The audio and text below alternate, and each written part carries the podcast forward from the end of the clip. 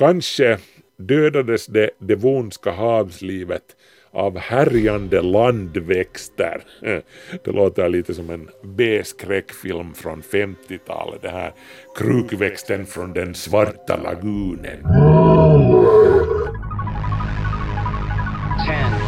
9, 8, ignition sequence start. 5, 4, 3, 2, 1, 0. Saut quantique. Salto quântico, salto quântico, salto quântico. Quantum Salto quantico, salto quantico, salto quantico. Kvantum, det du inte visste att du ville veta. Välkommen till fiskarnas tidevarv. Det är 360 miljoner år före vår tideräkning. Livets stora partaj pågår vid den här tiden ännu i oceanerna. Landbacken är inte inbjuden. Kontinenterna ligger tysta och mestadels öde. Men någonting är i görningen uppe på land. De gröna växterna förbereder en offensiv. De skjuter ner sina nyutvecklade rötter djupt i den jungfruliga marken och börjar mala sten. Restprodukterna från den processen kommer snart att rinna ner med floderna i oceanerna och slutresultatet kommer att bli en enorm katastrof. Ett av jordens fem stora massutdöenden står inför dörren. Den här våren går vi här i Kvanthopp igenom de här fem stora skärseldarna som livet har genomlidit sedan det blev flercelligt för mer än 500 miljoner år sedan. Idag har turen kommit till det devonska utdöendet för cirka 360 miljoner år sedan som drabbade havet allra hårdast.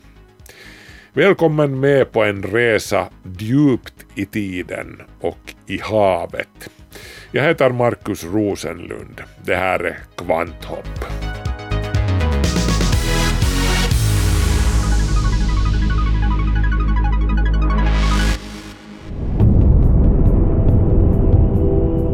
Möt ett av havsdjupens mäktigaste urtidsmonster, Dunkleosteus. Den här 10 meter långa och 4 ton tunga pansarfisken äter bokstavligen hajar till frukost. Jo, hajarna finns här redan nu.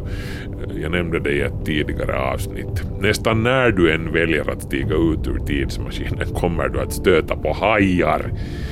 De fanns här före landbackens träd och före både Atlanten och Stilla havet. De är den här planetens mästare på att överleva. Men Dunkleosteus gör sitt bästa för att sätta också hajarna på plats. Dunkleosteus ser ut som den våldsamma bäst den är byggd som en simmande murbräcka med, med tjockt benpansar runt huvudet. Kroppen är strömlinjeformad och, och hajliknande. Munnen saknar tänder så som vi är vana att tänka på dem. Istället så kantas munnen av två långa liksom knivblad av ben som kan knäcka och krossa nästan vad som helst inte minst tack vare de massiva käkarna med en bettstyrka på uppemot 750 kilo. Den här monstruösa fisken är allt annat än nogräknad med sin diet. Den äter allt som simmar i dess väg, till och med sina egna artfränder. Och det verkar som att allt slukande ger Dunkleosteus matsmältningsbesvär i deras fossiler återfinns ofta uppstötta halvsmälta rester av fisk. Dunkleosteus är betydelsefull på ett annat, viktigare sätt än att den är sin tids dominerande havsmonster med magbesvär. Eh, Dunkleosteus är nämligen bland de första ryggradsdjuren som har sex pansarhajarna som Dunkleosteus hör till var alltså först med regelrätta könsorgan. Sex är med andra ord en gammal tradition. Det är äldre än dagens kontinenter, äldre än dinosaurierna, äldre än blommorna och bina. Och parningen tar fart uttryckligen nu under devon då ryggradsdjuren dominerar i haven men ännu inte har vågat sig upp på land. Så passa på att ligga runt nu medan du kan, Dunkleosteus, för sämre tider är på kommande. Slutet närmar sig. När vågorna av utdöenden som är i antågande har dragit förbi har uppemot 87 procent av alla havslevande arter dött ut, inklusive pansarfiskarna som Dunkleosteus hör till. Det devonska utdöendet är ett av de största massutdöendena i jordens historia. Det räknas alltså till de fem stora. Och det här är uttryckligen havets stora skärseld. Landbacken påverkas knappt alls. Vilket nu inte kanske är så konstigt för det är i havet som överlägset den största delen av livet finns vid den här tiden. Största delen av jordgloben täcks vid den här tiden av den enorma oceanen Pantalassa. Den dominerande landmassan i söder är jättekontinenten Gondwana med den mindre kontinenten Euramerika i nordväst uppe vid ekvatorn. Och uppe på land där är det ganska lugnt och stilla kan man säga. De mäktiga dinosaurierna kommer inte att klampa omkring på landbacken på ett par hundra miljoner år ännu.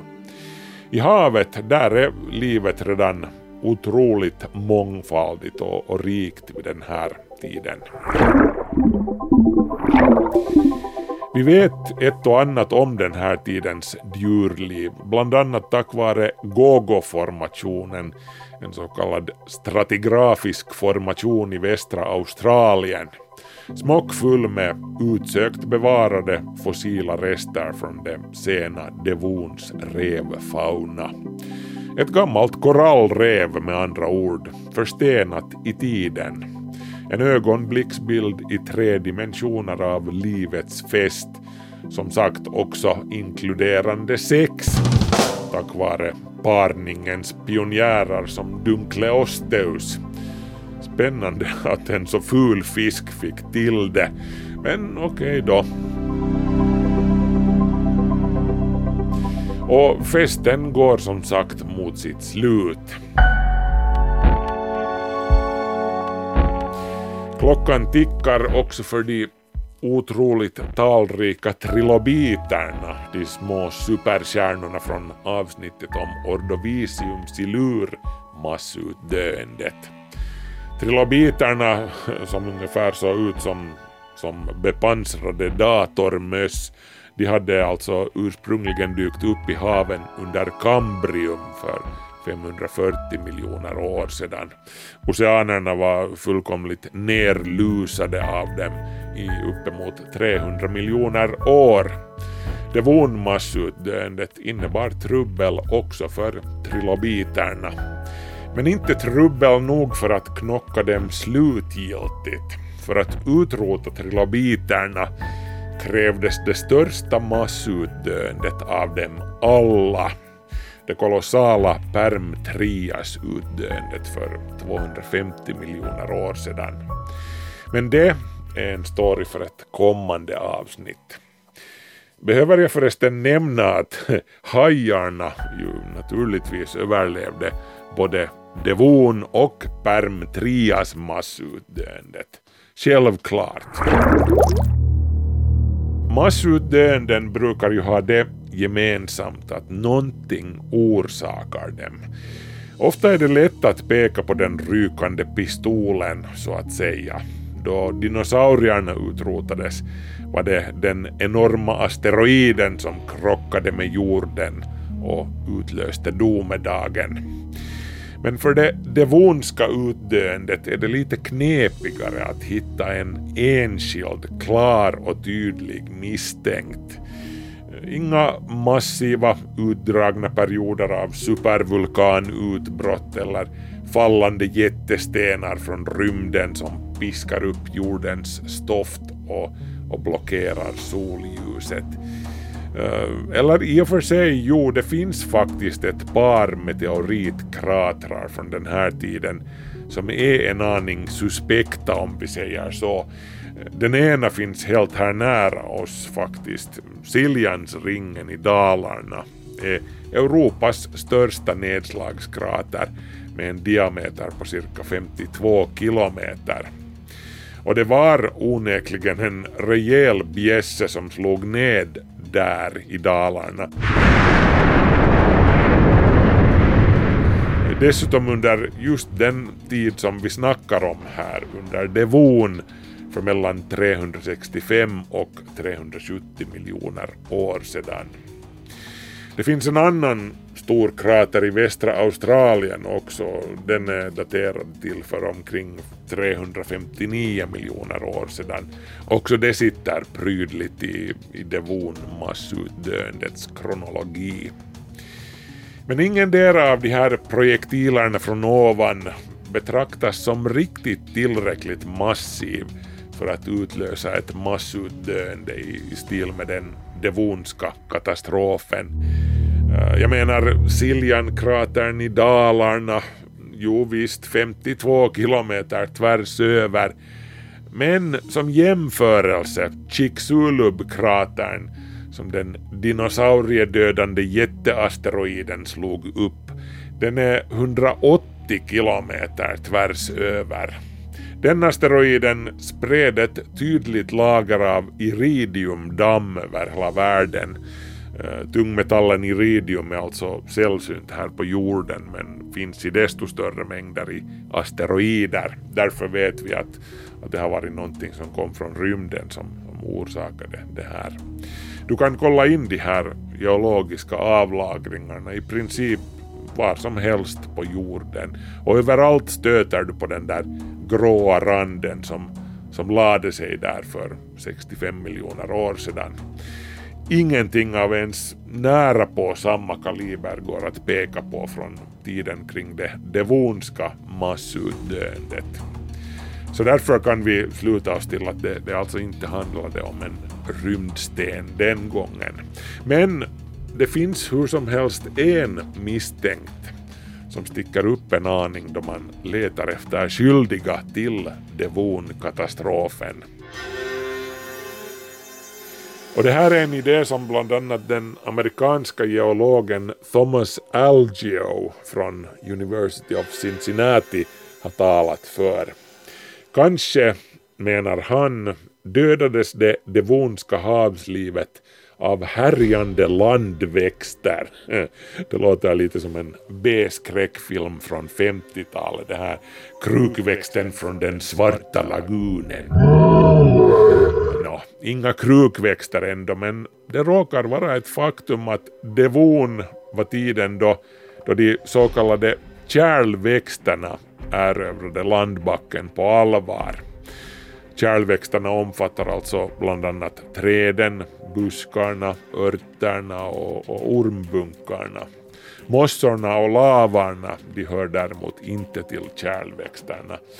Däremot är de det landburna livets pionjärer. Mossorna och lavarna dök alltså upp på jorden redan långt tidigare, långt innan kärlväxterna. Men mossorna saknar någonting viktigt, nämligen rötter.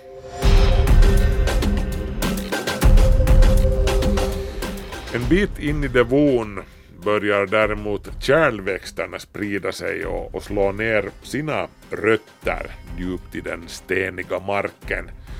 Och det är i och med det här som klockan börjar klämta för det havslevande livet. Man ska aldrig underskatta kraften i små gröna växter. De må jobba långsamt, men de har en otrolig kraft. Med sina anspråkslösa rötter kan de spjälka stora stenblock, som vi vet. Och det var precis vad de började göra under devon. Under det tidiga devon var det ormbunkarna som dominerade men mot mitten av perioden dök de första träden upp. Kontinenterna började nu grönska på allvar för första gången.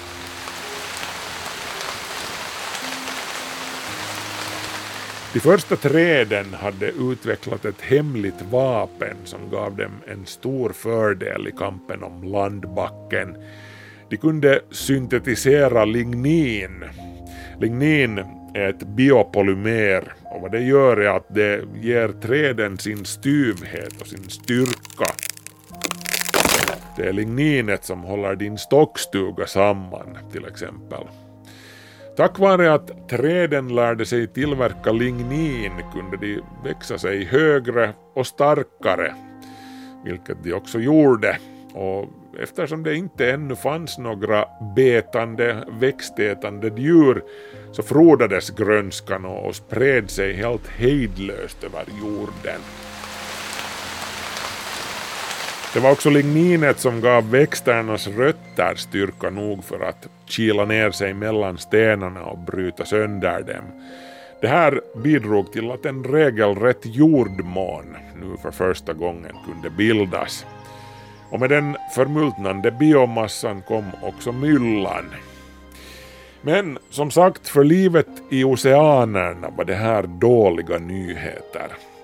Och det här är alltså en tanke som Thomas Algio har förespråkat. Algio menar att när träden och de övriga kärlväxterna bökade om i marken med sina rötter frigjorde de näringsämnen och mineraler i stora mängder.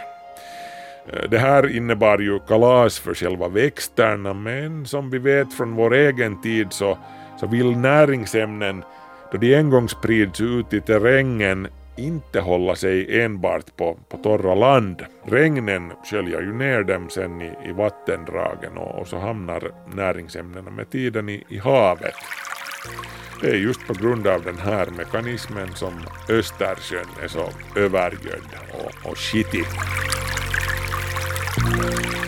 Tänk dig då en hel värld där samtliga kontinenter med ens blir gödselfabriker, där, där växterna mal sönder berggrunden för allt tygen håller och, och sen där strida strömmar av näringsämnen mot oceanerna.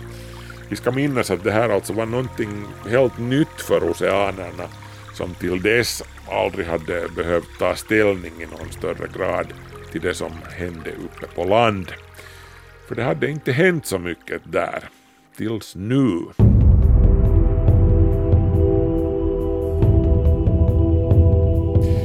Oceanerna börjar med andra ord övergödas. Massiva algblomningar färgar delar av haven gröna när algerna kalasar på all läcker näring som rinner ner i sjön från kontinenterna. Sen då algerna dör sjunker de ner till bottnen där de förmultnar. Den här processen den förbrukar ju som vi vet syre från havsvattnet. Och an eftersom årtusendena rullar förbi börjar allt större områden av de devonska oceanerna drabbas av syrebrist och bottendöd. Men inte bara bottnarna drabbas. Syrebristen börjar också krypa allt högre upp genom vattenskikten. Eh, fiskarna och alla de övriga livsformerna i oceanerna blir allt mer trängda ju längre devon fortskrider. Det här kan vara en orsak till att vi inte kan peka på någon enskild knivskarpt isolerad punkt i tiden där det stora massutdöendet började. Det hela avancerade sakta men säkert som en cancer som sprider sig. Sakta och obemärkt till en början men med en så överväldigas kroppen sedan och till slut kommer en kollaps. Sett enligt den geologiska tidsskalan inträffade det hela hur som helst väldigt snabbt. Alla accepterar inte Thomas Algios teser om växternas övergödning av haven som den dominerande orsaken till det stora massutdöendet i slutet av devon. Det måste ha funnits andra faktorer som spelade in, menar de. Tanken på en massiv global övergödning av oceanerna förklarar till exempel inte hur det kommer sig att vissa arter försvann helt medan andra levde vidare. Hajarna till exempel. Jag menar, de är precis lika beroende av syre som andra fiskar. Ändå överlevde en stor del av hajarna. Enligt vissa forskare kan det här förklaras av att havets syrehalt sannolikt höll sig på hyfsade nivåer nära ytan, också då bottnarnas syrebrist var som värst. Vindarna rör ju liksom om i, i ytvattnen och, och blandar in syre i vattnet. Så genom att hålla sig nära ytan kan hajarna ha klarat sig medan de livsformer som höll sig djupare ner dog ut. Men många forskare menar ändå att det, det liksom krävs mera kött på benen för det hela för att, för att vi ska kunna förklara den devonska katastrofen. En australisk studie från 2012 kommer med en ytterligare förklaring. Oceanerna kan dessutom ha förgiftats vid den här tiden, utöver syrebristen. För sin studie granskade forskaren Cleety Grice från Curtin University i Perth fossiler av ett krabbliknande djur från den här tiden och hittade tecken på giftiga svavelföreningar. Grice och kollegorna menar att det kan ha gått till så här. Haven övergöds då de gröna växterna på landbacken smular sönder jordmånen. Det här får algerna i havet att börja blomma vilt. Algerna sjunker ner till bottnarna när de dör. Och där blir de föda åt anaeroba mikroorganismer, alltså sådana som inte är beroende av syre. När de här mikroorganismerna bajsar producerar de giftig vetesulfid som avfall. Vetesulfid är alltså det där som ger ruttna ägg sin motbjudande stank. Ytterst giftigt är det alltså dessutom. Så de stinkande dödliga gaserna som började bubbla upp kan alltså ha bidragit till att massutdöendet blev ett faktum.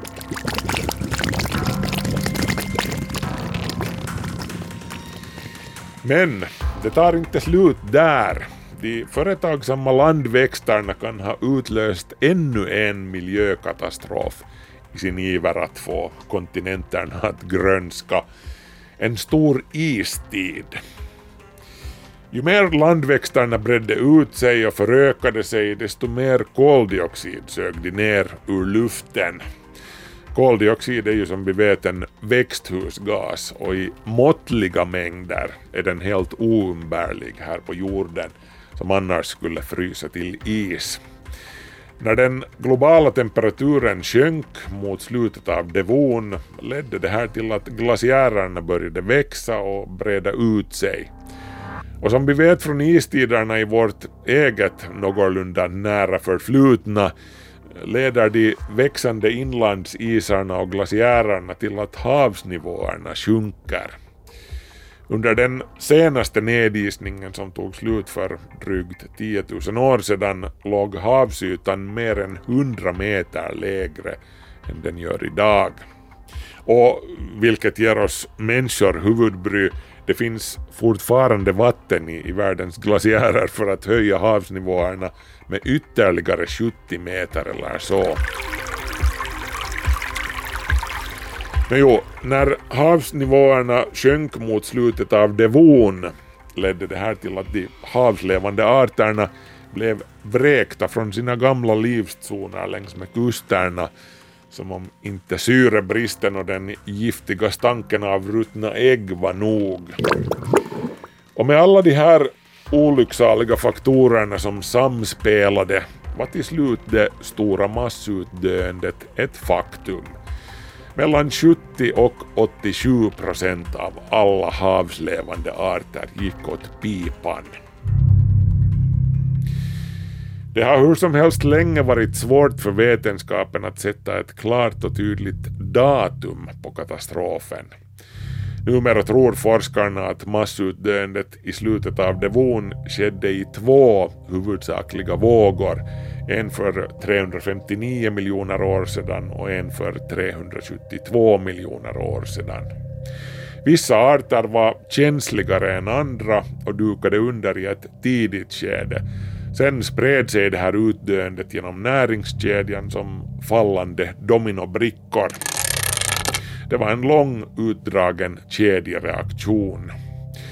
Under sådana här kaotiska tider med, med syrebristen som sprider sig genom oceanerna och giftiga gaser som bubblar upp blir det sen extra destruktivt då någon ytterligare icke-relaterad katastrof inträffar.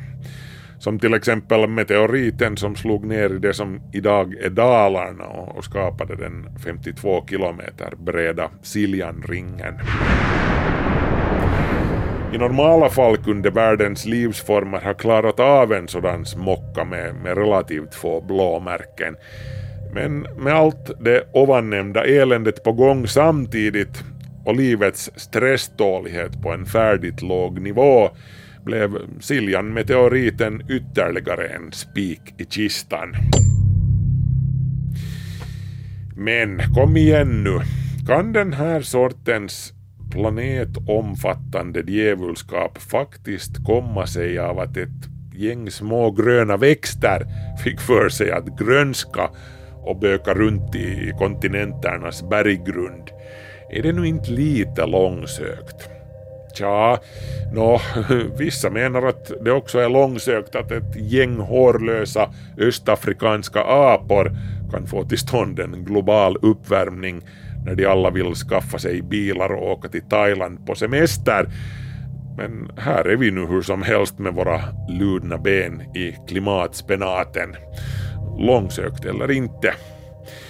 Det finns en hypotes kallad Medea-hypotesen utvecklad av biologen Peter Ward från University of Washington i Seattle. Eh, namnet kommer alltså från Medea i den grekiska mytologin som mördade sina barn. Och summan av kardemumman är alltså att jorden är en dålig mamma. And I was castigated for being unkind to women for going after bad mothers. Why can't it be the bad father hypothesis? We do that next week. Men den här hypotesen går i grund och botten ut på att livet verkar vara sin egen värsta fiende vilket händelserna alltså under det sena devon ju bekräftar hyfsat väl, säger Peter Ward i en intervju för BBC. Till en början tycks de gröna landväxterna vara oövervinnerliga, säger Ward. Men sedan får det hela en oväntad vändning de små plantornas ännu mindre rötter sätter igång en serie av kedjereaktioner och till slut är hela biosfären i putten. Jordens historia har flera exempel på den här sortens projekt inom citat som livet har tagit för sig. Den stora syresättningen för två och en halv miljarder år sedan till exempel där de blågröna algerna gasade ihjäl nästan allt annat liv på jorden.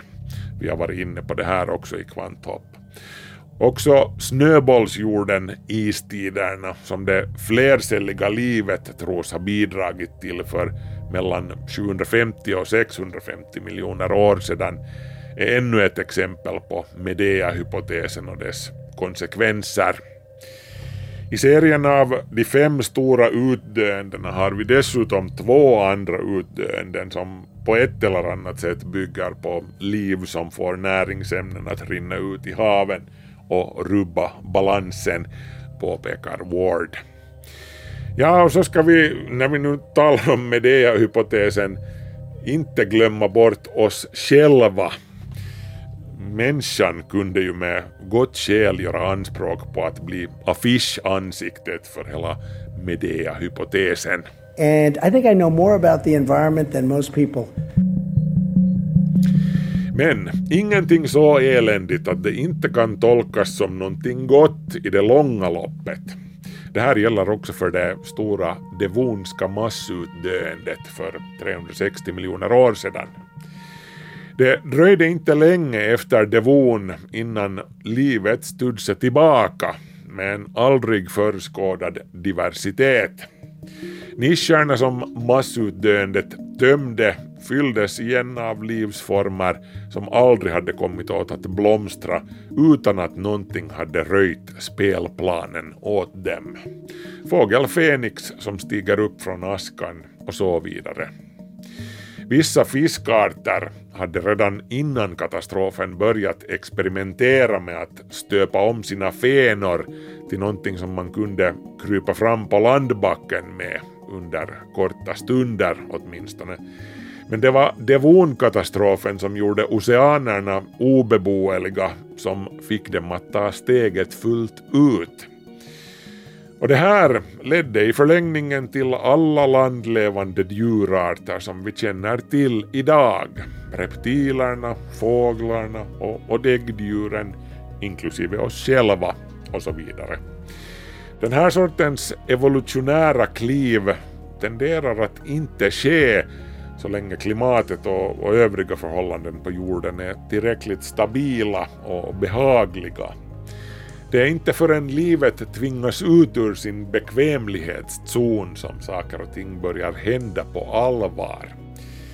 Fast det här betyder ju sen inte att vi i vår tid inte gör smart i att se devonmassutdöendet som en varning. Precis som landväxterna under devon påverkar vi också vår miljö med oanade följder.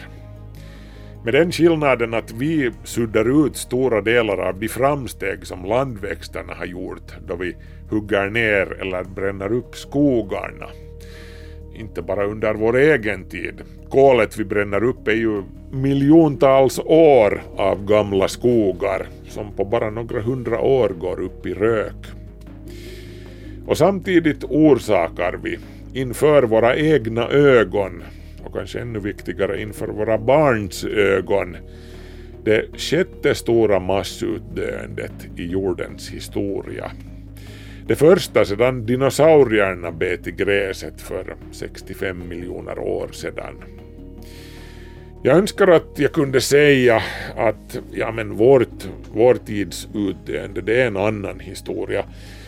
Men det är det inte. Inte egentligen.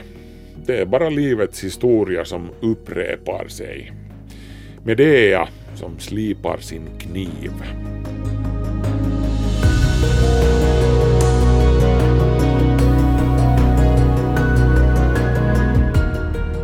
Sådär ja, gott folk. Tillbaka till nutiden och det har blivit dags att avsluta Kvanthopp för den här gången. Varje lördag dyker det upp ett nytt avsnitt på Yle Arenan så vi hörs igen om en vecka. Och tills dess så kan ni till exempel gå in på vår Facebook-sida om ni vill läsa saker och ting där eller så kan ni skriva till oss via kvanthoppsnabelayle.fi. Ha det bra tills vi hörs, hej så länge!